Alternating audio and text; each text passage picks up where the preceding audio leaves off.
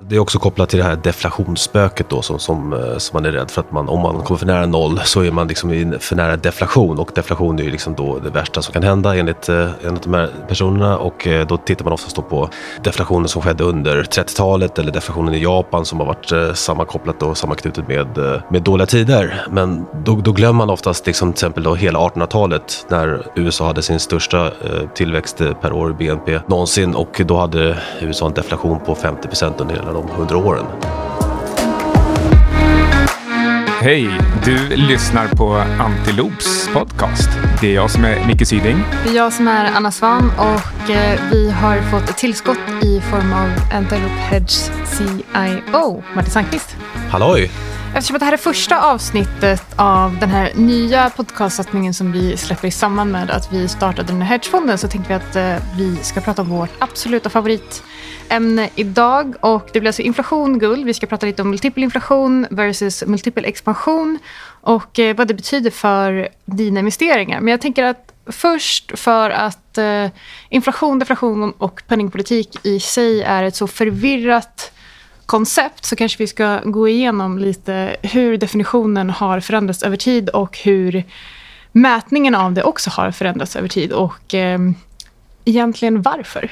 Vill du, vill du köra igång, Martin? Ja, nej, men inflationsbegreppet har ju förändrats över tiden och det är, det är en mycket märklig historia att det liksom inte har fått mer uppmärksamhet där tycker jag än vad det har fått. För folk verkar bara köpa det här godtyckligt att liksom vi har gått från att inflation är någonting dåligt som man ska liksom bekämpa till att det har blivit någonting som nu eftersträvas och eh, ja, är någonting gott helt enkelt. Men också liksom det här att um, man bara kallar det för inflation hela tiden. Att uh, det är liksom citat, inflation. Och så, och så antar man att alla menar samma sak med det.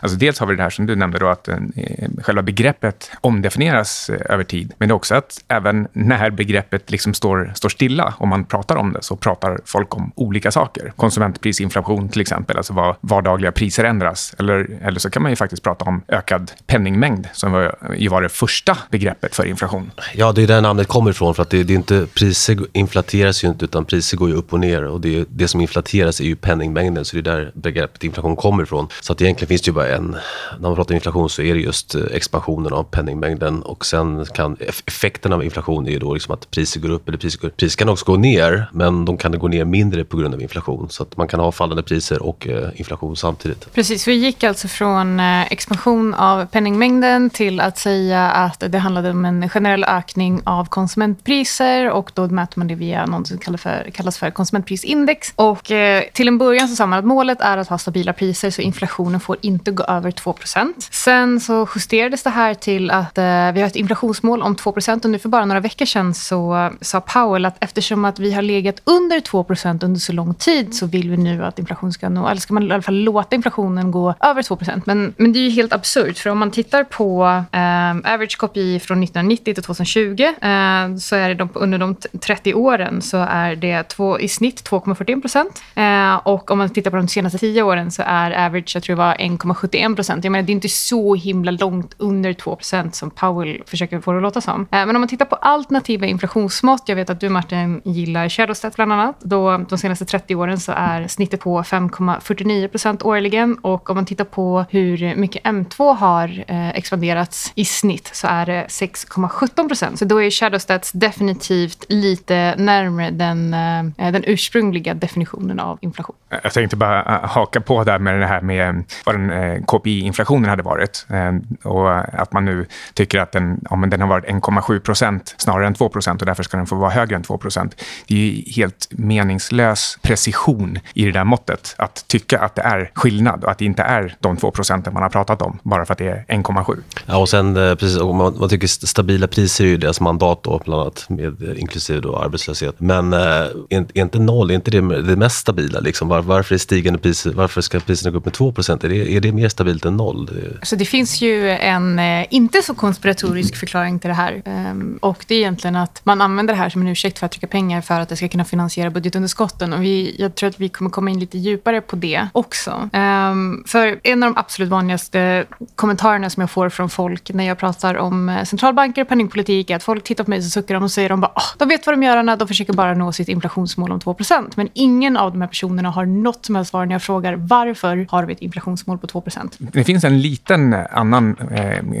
tolkning av det här också. Det är att eh, om eh, till exempel eh, om alla, alla priser eh, stiger med 2% hela tiden, eh, då kan man också höja alla löner med 2% Så det är egentligen att ha en stillastående lön, är att den ökar med 2% Och det gör att folk som är inte riktigt så produktiva på, på jobbet, de kan fortfarande få stillastående lön, fast de då egentligen får en sänkt reallön. Och då, ehm, då slipper man just det här riktigt smärtsamma med att sänka löner. Men egentligen så sänks ju reallönen varje år om man inte får en höjning. Eh, och det här anses ju då göra ekonomin lite smidigare. För att man, man, man slipper att folk antingen säger upp sig eller blir arga eller ja, min, min, ännu mindre produktiva för att man tycker att man inte har fått den lön man ska. Precis, och sen, det är också kopplat till det här med liksom, eh, det här deflationsspöket då, som, som, eh, som man är rädd för att man, om man kommer för nära, om man kommer för nära noll så är man liksom för nära deflation och deflation är ju liksom då det värsta som kan hända enligt, eh, enligt de här personerna och eh, då tittar man oftast då på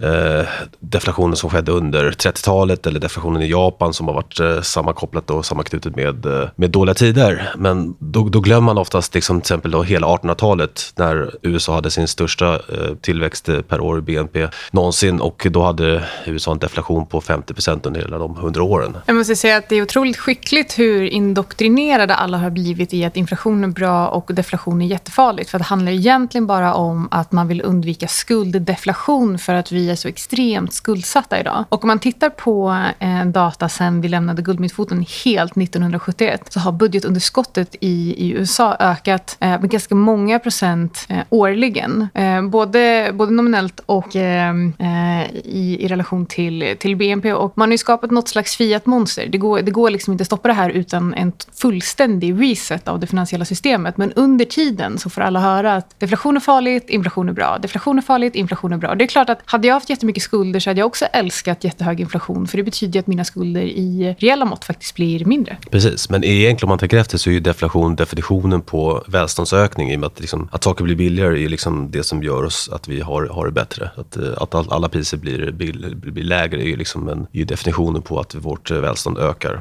Precis, ehm, och det borde ju vara självklart att eh, om, om man blir effektivare, alltså man använder bättre verktyg, smartare processer, så, så kan man alltid tillverka en, en säng eller en bil billigare och billigare. Och som du då säger, då använder man mindre resurser, mindre tid för att skapa samma typ av välstånd. Och eh, när man, när man uttrycker det på det här sättet, då är alla med på att ja, men det är klart att det är bra. Jag vill att mjölken ska bli billigare så att jag får mer pengar över till att resa till exempel. Men eh, ändå så, så lyckas man eh, få det till att i den allmänna diskursen så, så är inflation bra. Ja, precis. Och motargumentet är ju där att det här med aggregate demand och som man säger att om, om vi har deflation så kommer inte folk vilja köpa saker. För att, eh, varför ska man köpa någonting eh, idag om det blir billigare imorgon? Vilket är ju totalt nonsens. Men vi vet ju alla att vi köper mer när saker blir billigare och vi, vi, vi avvaktar inte med att köpa en dator idag för att den kommer vara billigare om ett år, vilket vi vet att den kommer bli. Då vill vi ha datorn idag, vi vill inte ha den om ett år. Liksom. Nej, och det såg man ju i Japan också under de perioder som de har haft deflation. Det är inte så att, att folk har handlat mindre, utan, utan snarare tvärtom. Så det är ju det är också bara ett skickligt sätt att lura in oss i, i vad man vill att verkligheten ska vara. Jag, jag tror också att man, man missar det här att eh,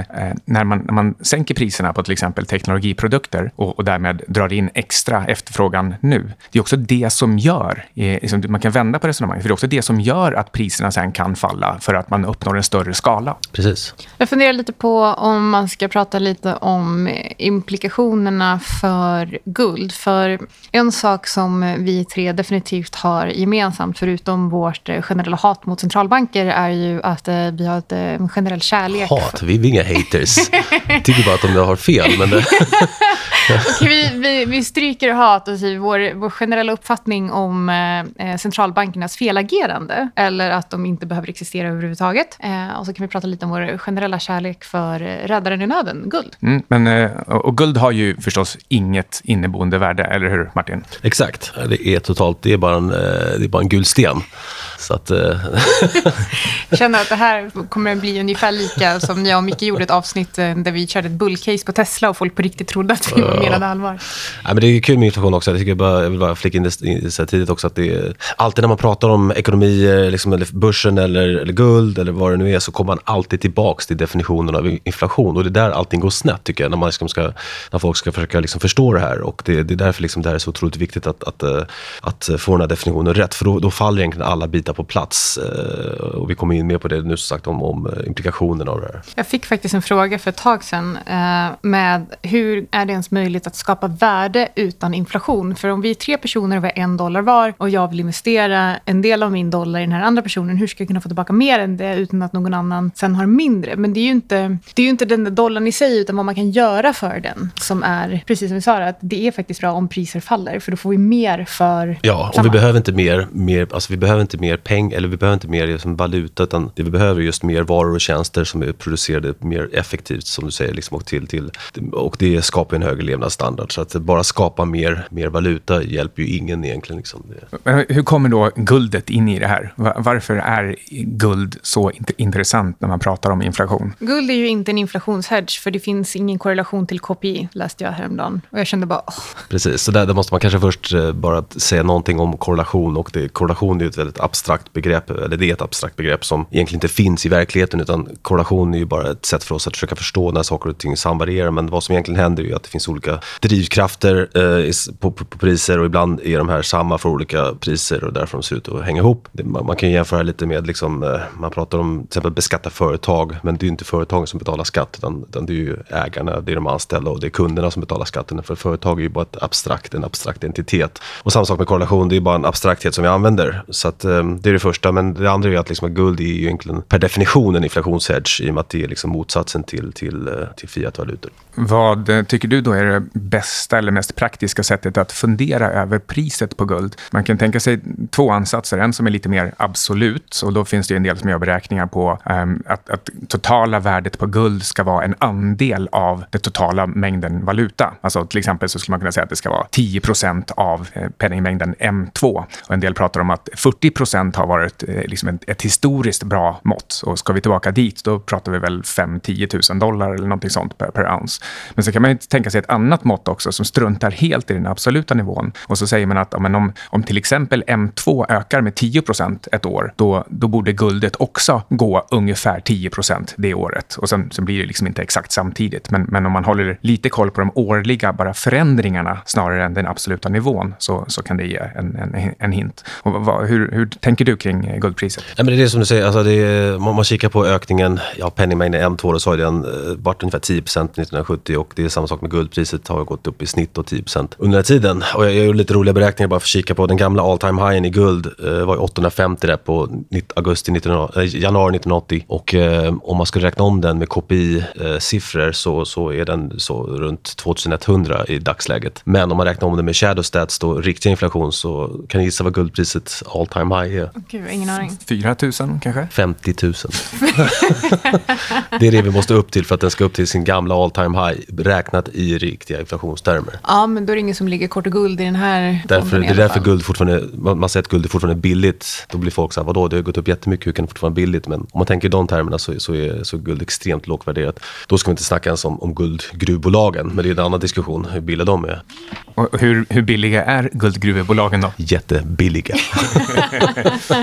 de, de, de har ju problemet att det är liksom massa eh, skumma typer i ledningen som, eh, som slösar bort pengarna jämt när de ska starta nya gruvor när det, när det liksom är hetsigt på marknaden. Eller så köper de varandra och, och eh, tappar, tappar fotfästet lite grann när det gäller att hålla ordning på verksamheten. Ja, så, så är det alltid. Liksom. Man har ju alltid en managementrisk och bolagsrisk i de här uh, sakerna. Men jag tycker det var lite intressant här med Buffetts köp av, av Barrick. Att man ska nog egentligen inte tolka det som att Buffett liksom har blivit en goldbug och tror på att guldpriset ska upp. För det tror jag inte han har, han har gjort. Så han har, han har bara liksom insett värdet i de här bolagen. Och även om guld står stilla eller går ner så, är så, liksom, så är de här bolagen extremt eh, billiga i dagsläget. Jag tänker att vi kan bara gå tillbaka lite kort till inflation. För att jag skrev precis ett memo som heter Inflation Revisited. Och jag tror att det kommer vara ungefär samma titel på det här podcastavsnittet. Och eh, då berättade jag lite kuriosa om vad som hände på 15 till 1600-talet i Spanien och Europa. Det var någonting som ledde till att Spanien faktiskt gick i konkurs lite senare. Och det var nämligen Hernán Cortés, för han invaderade mm, det aztekiska riket. Och eh, då fann han att det fanns extremt mycket guld och silver i ett berg, framförallt silver. Så han eh, minade det här till extremt låga kostnader och sen så skeppade han iväg där till Spanien. Och det här ledde till att eh,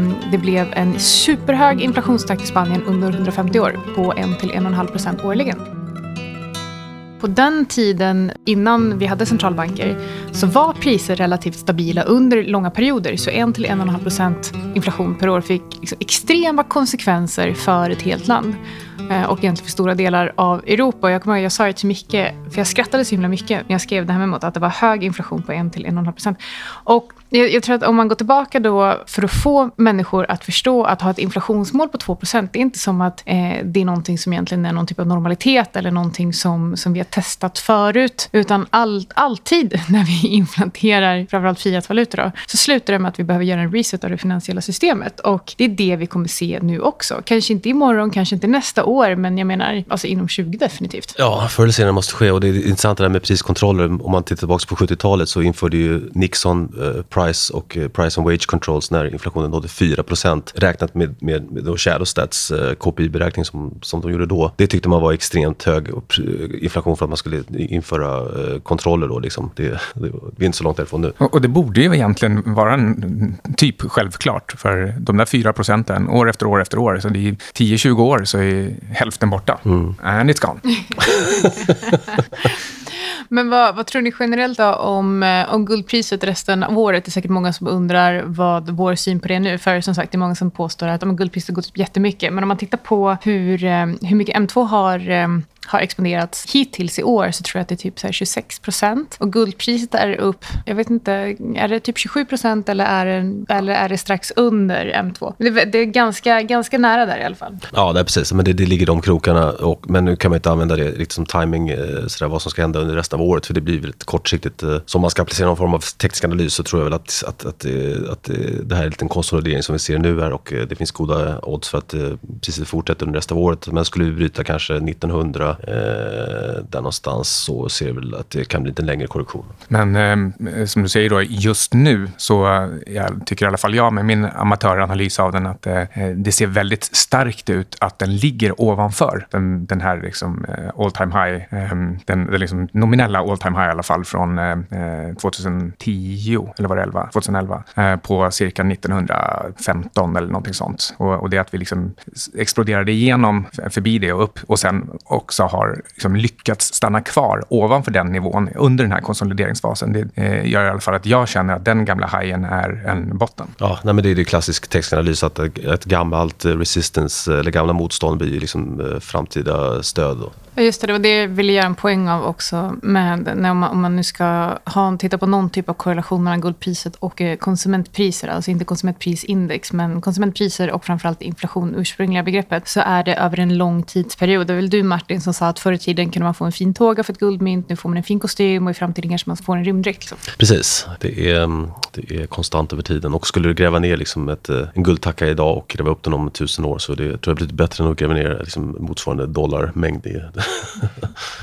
Det är det som är så fascinerande med guld. Alltså att eh, vi inte kan tillverka det på något eh, rimligt sätt. Alltså det, det, går i en partikelaccelerator att få ihop liksom några nanogram eller någonting sånt.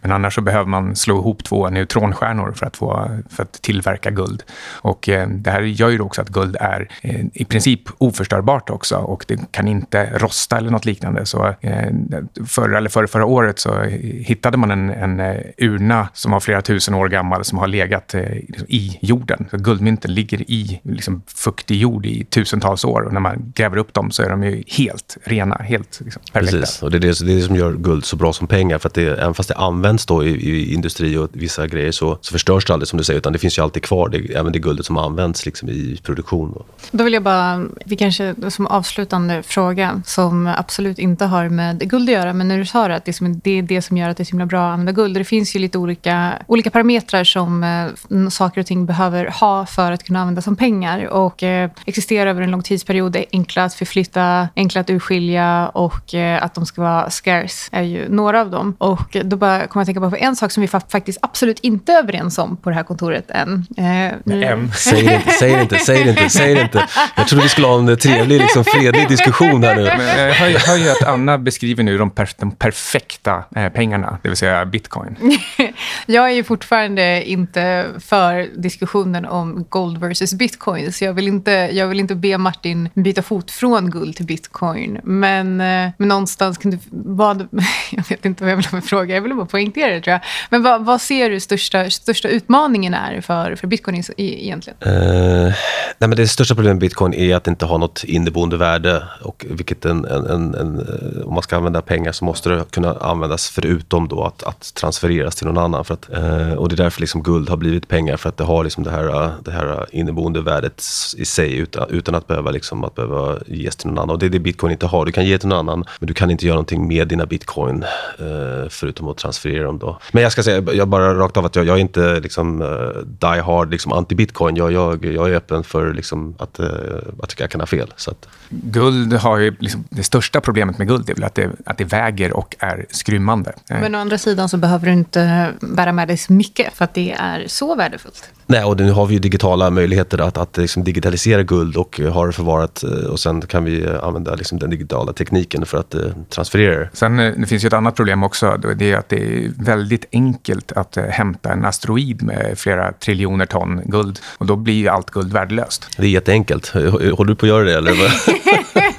jag har en liten, liten raket i, på innergården. Nej, men jag får också höra det ibland att ja, men då kommer guld bli värdelöst för att man kommer börja bryta guld på en asteroid. Frågar jag, hur, vad tror du att det kommer kosta per gram? Alltså, det, är, det är så fascinerande att, att man kan tro att det är så enkelt att skicka iväg en, en raket och så ska den fyllas med guld eller möjligen dra med sig hela asteroiden hit. För att inte tala om vad som händer om den landar här. Jag vill typ, nu, vill jag inte, nu vill jag inte kategorisera människor, men är det inte ofta Tesla Bulls som säger den typen av grejer?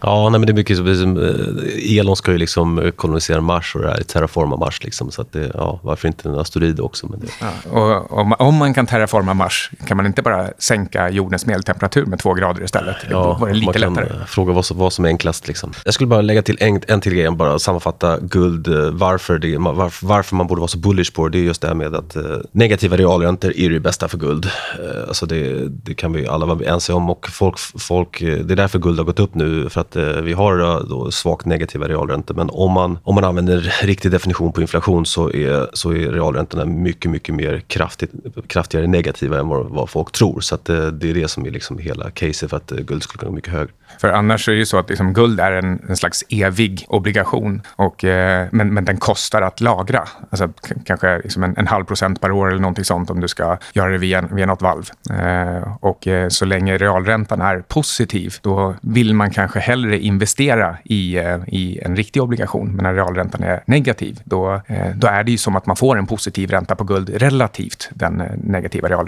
Ja. Okej, sista, sista frågan för mig. Tror ni att guld kommer att ersätta bonds i pensionsfonder i framtiden? Eh, absolut, det kommer bli en större, liksom, jag vet inte ersätta, men det kommer, det kommer komma in som en, som en tillgång som pensionsfonder och andra institutioner kommer lägga till med tiden. Tror jag. Där finns ju också en till sån här värderingstrianguleringspunkt. Um, och, och, det är att om, om, det nu, om guld nu utgör någon procent av liksom, genomsnittsportföljerna, om, om, de, om guld i framtiden ska utgöra 5 eller 10 procent, vilket man kan tycka är en, en, en, rimlig andel, då måste också priset upp 5 till 10 gånger relativt alla andra priser. Och med det så skulle vi kunna avsluta första avsnittet av Antiloop Podcast. Tack för oss. Antiloop. du måste ju ha någon bra Antiloop. jag gjorde ju en, jag gjorde ju en sån, den här Antiloop.